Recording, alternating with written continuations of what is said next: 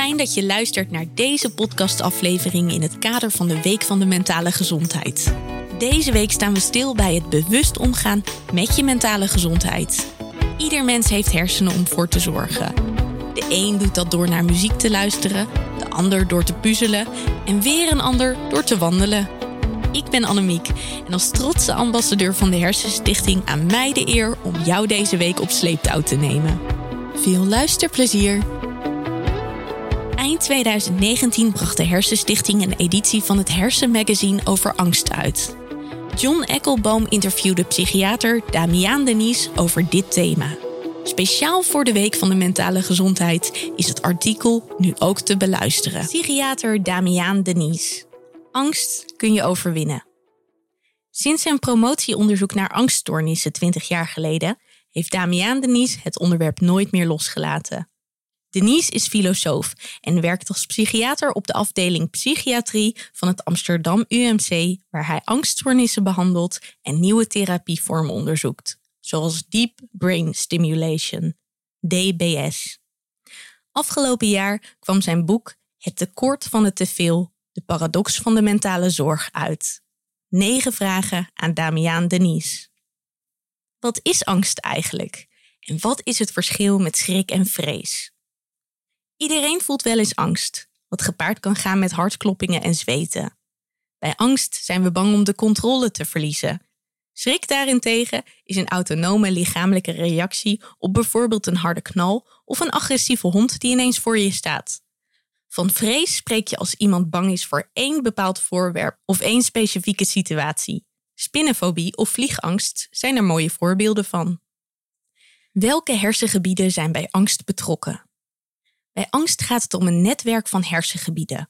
De belangrijkste daarvan is de amygdala, een amandelvormige structuur die betrokken is bij het aansturen en verwerken van emoties. Angst is zo'n emotie. Is angst alleen maar vervelend of heeft dat gevoel ook enig nut? Evolutionair gezien is het begrijpelijk dat mensen angstig worden, omdat angst ons behoedt voor pijn, ziekte of de dood. Angst signaleert een gevaar of bedreiging.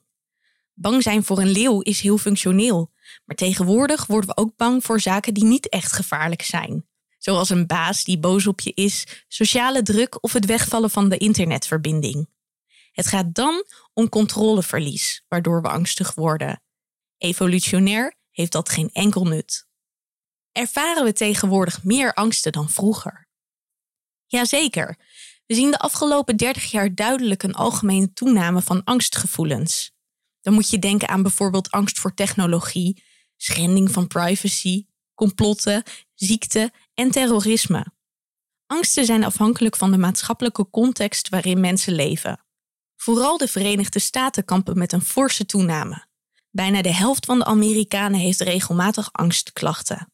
Westerse landen hebben meestal een bevolking die angstiger is dan die van niet-westerse landen. Opvallend is bovendien dat vooral jongeren door onzekerheid meer angst hebben dan ouderen. Je zou dus kunnen spreken van een angstparadox. Klopt, het gaat om een vreemde tegenstrijdigheid. Hoe rijker een land en hoe hoger de levensstandaard, des te angstiger de inwoners zijn. Een mogelijke verklaring is dat ze minder in contact komen met armoede, gevaren of concrete bedreigingen. Mensen worden daardoor kwetsbaarder. Waarom is de een angstiger dan de ander? Je ziet dat vrouwen eerder en meer angstig worden dan mannen. Wellicht verdwijnt bij hen sneller het gevoel van controle en hebben vrouwen van nature minder zelfvertrouwen. Het mannelijke hormoon testosteron geeft mannen meer vertrouwen, maar maakt hen ook impulsiever en agressiever. Verder zie je individuele verschillen die deels genetisch zijn bepaald. En het verschilt ook binnen één en dezelfde persoon. Soms hebben we meer en soms hebben we minder behoefte aan die controle. Is het goed om je over angst heen te zetten? Uiteindelijk word je sterker door je telkens tegen die angst te verzetten. Zo kun je de angst overwinnen. In dat geval ben je moedig, omdat je je niet laat leiden door die angst. Je gaat bijvoorbeeld toch wandelen in een stad die je niet kent, van een duikplank springen of bungee jumpen. Er zijn ook mensen die juist angst opzoeken omdat het een kick geeft. Dat zijn de adrenaline junkies. Zij krijgen een goed gevoel bij deze interne druk, terwijl bij mensen die angstig zijn, die adrenalinestijging juist een negatief effect geeft. Wanneer wordt angst problematisch, zoals bij een angststoornis? Het onderscheid tussen angst en een angststoornis is vaag. Er zijn drie criteria waaraan zo'n stoornis moet voldoen. Als je meer dan een uur per dag last hebt van angst, dan gaat het de richting uit van een stoornis. Verder moet de angst zo'n impact hebben op je dagelijks leven dat je niet goed meer functioneert. De een wordt bijvoorbeeld belemmerd in zijn werk en de ander durft het huis zelfs niet meer uit. De derde voorwaarde is een gevoel van onvermogen om het te veranderen. Kunnen mensen met angststoornissen goed geholpen worden? Ongeveer een kwart van de mensen met angststoornissen geneest. De helft ervaart een forse afname en bij de rest heeft het weinig effect. Mensen kunnen geholpen worden met cognitieve gedragstherapie en serotonine-heropname-remmers.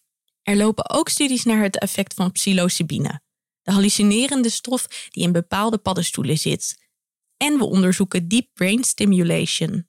We beschikken dus over steeds meer wapens in de strijd tegen angststoornissen. En door voortdurend onderzoek komen hier in de toekomst nog meer bij.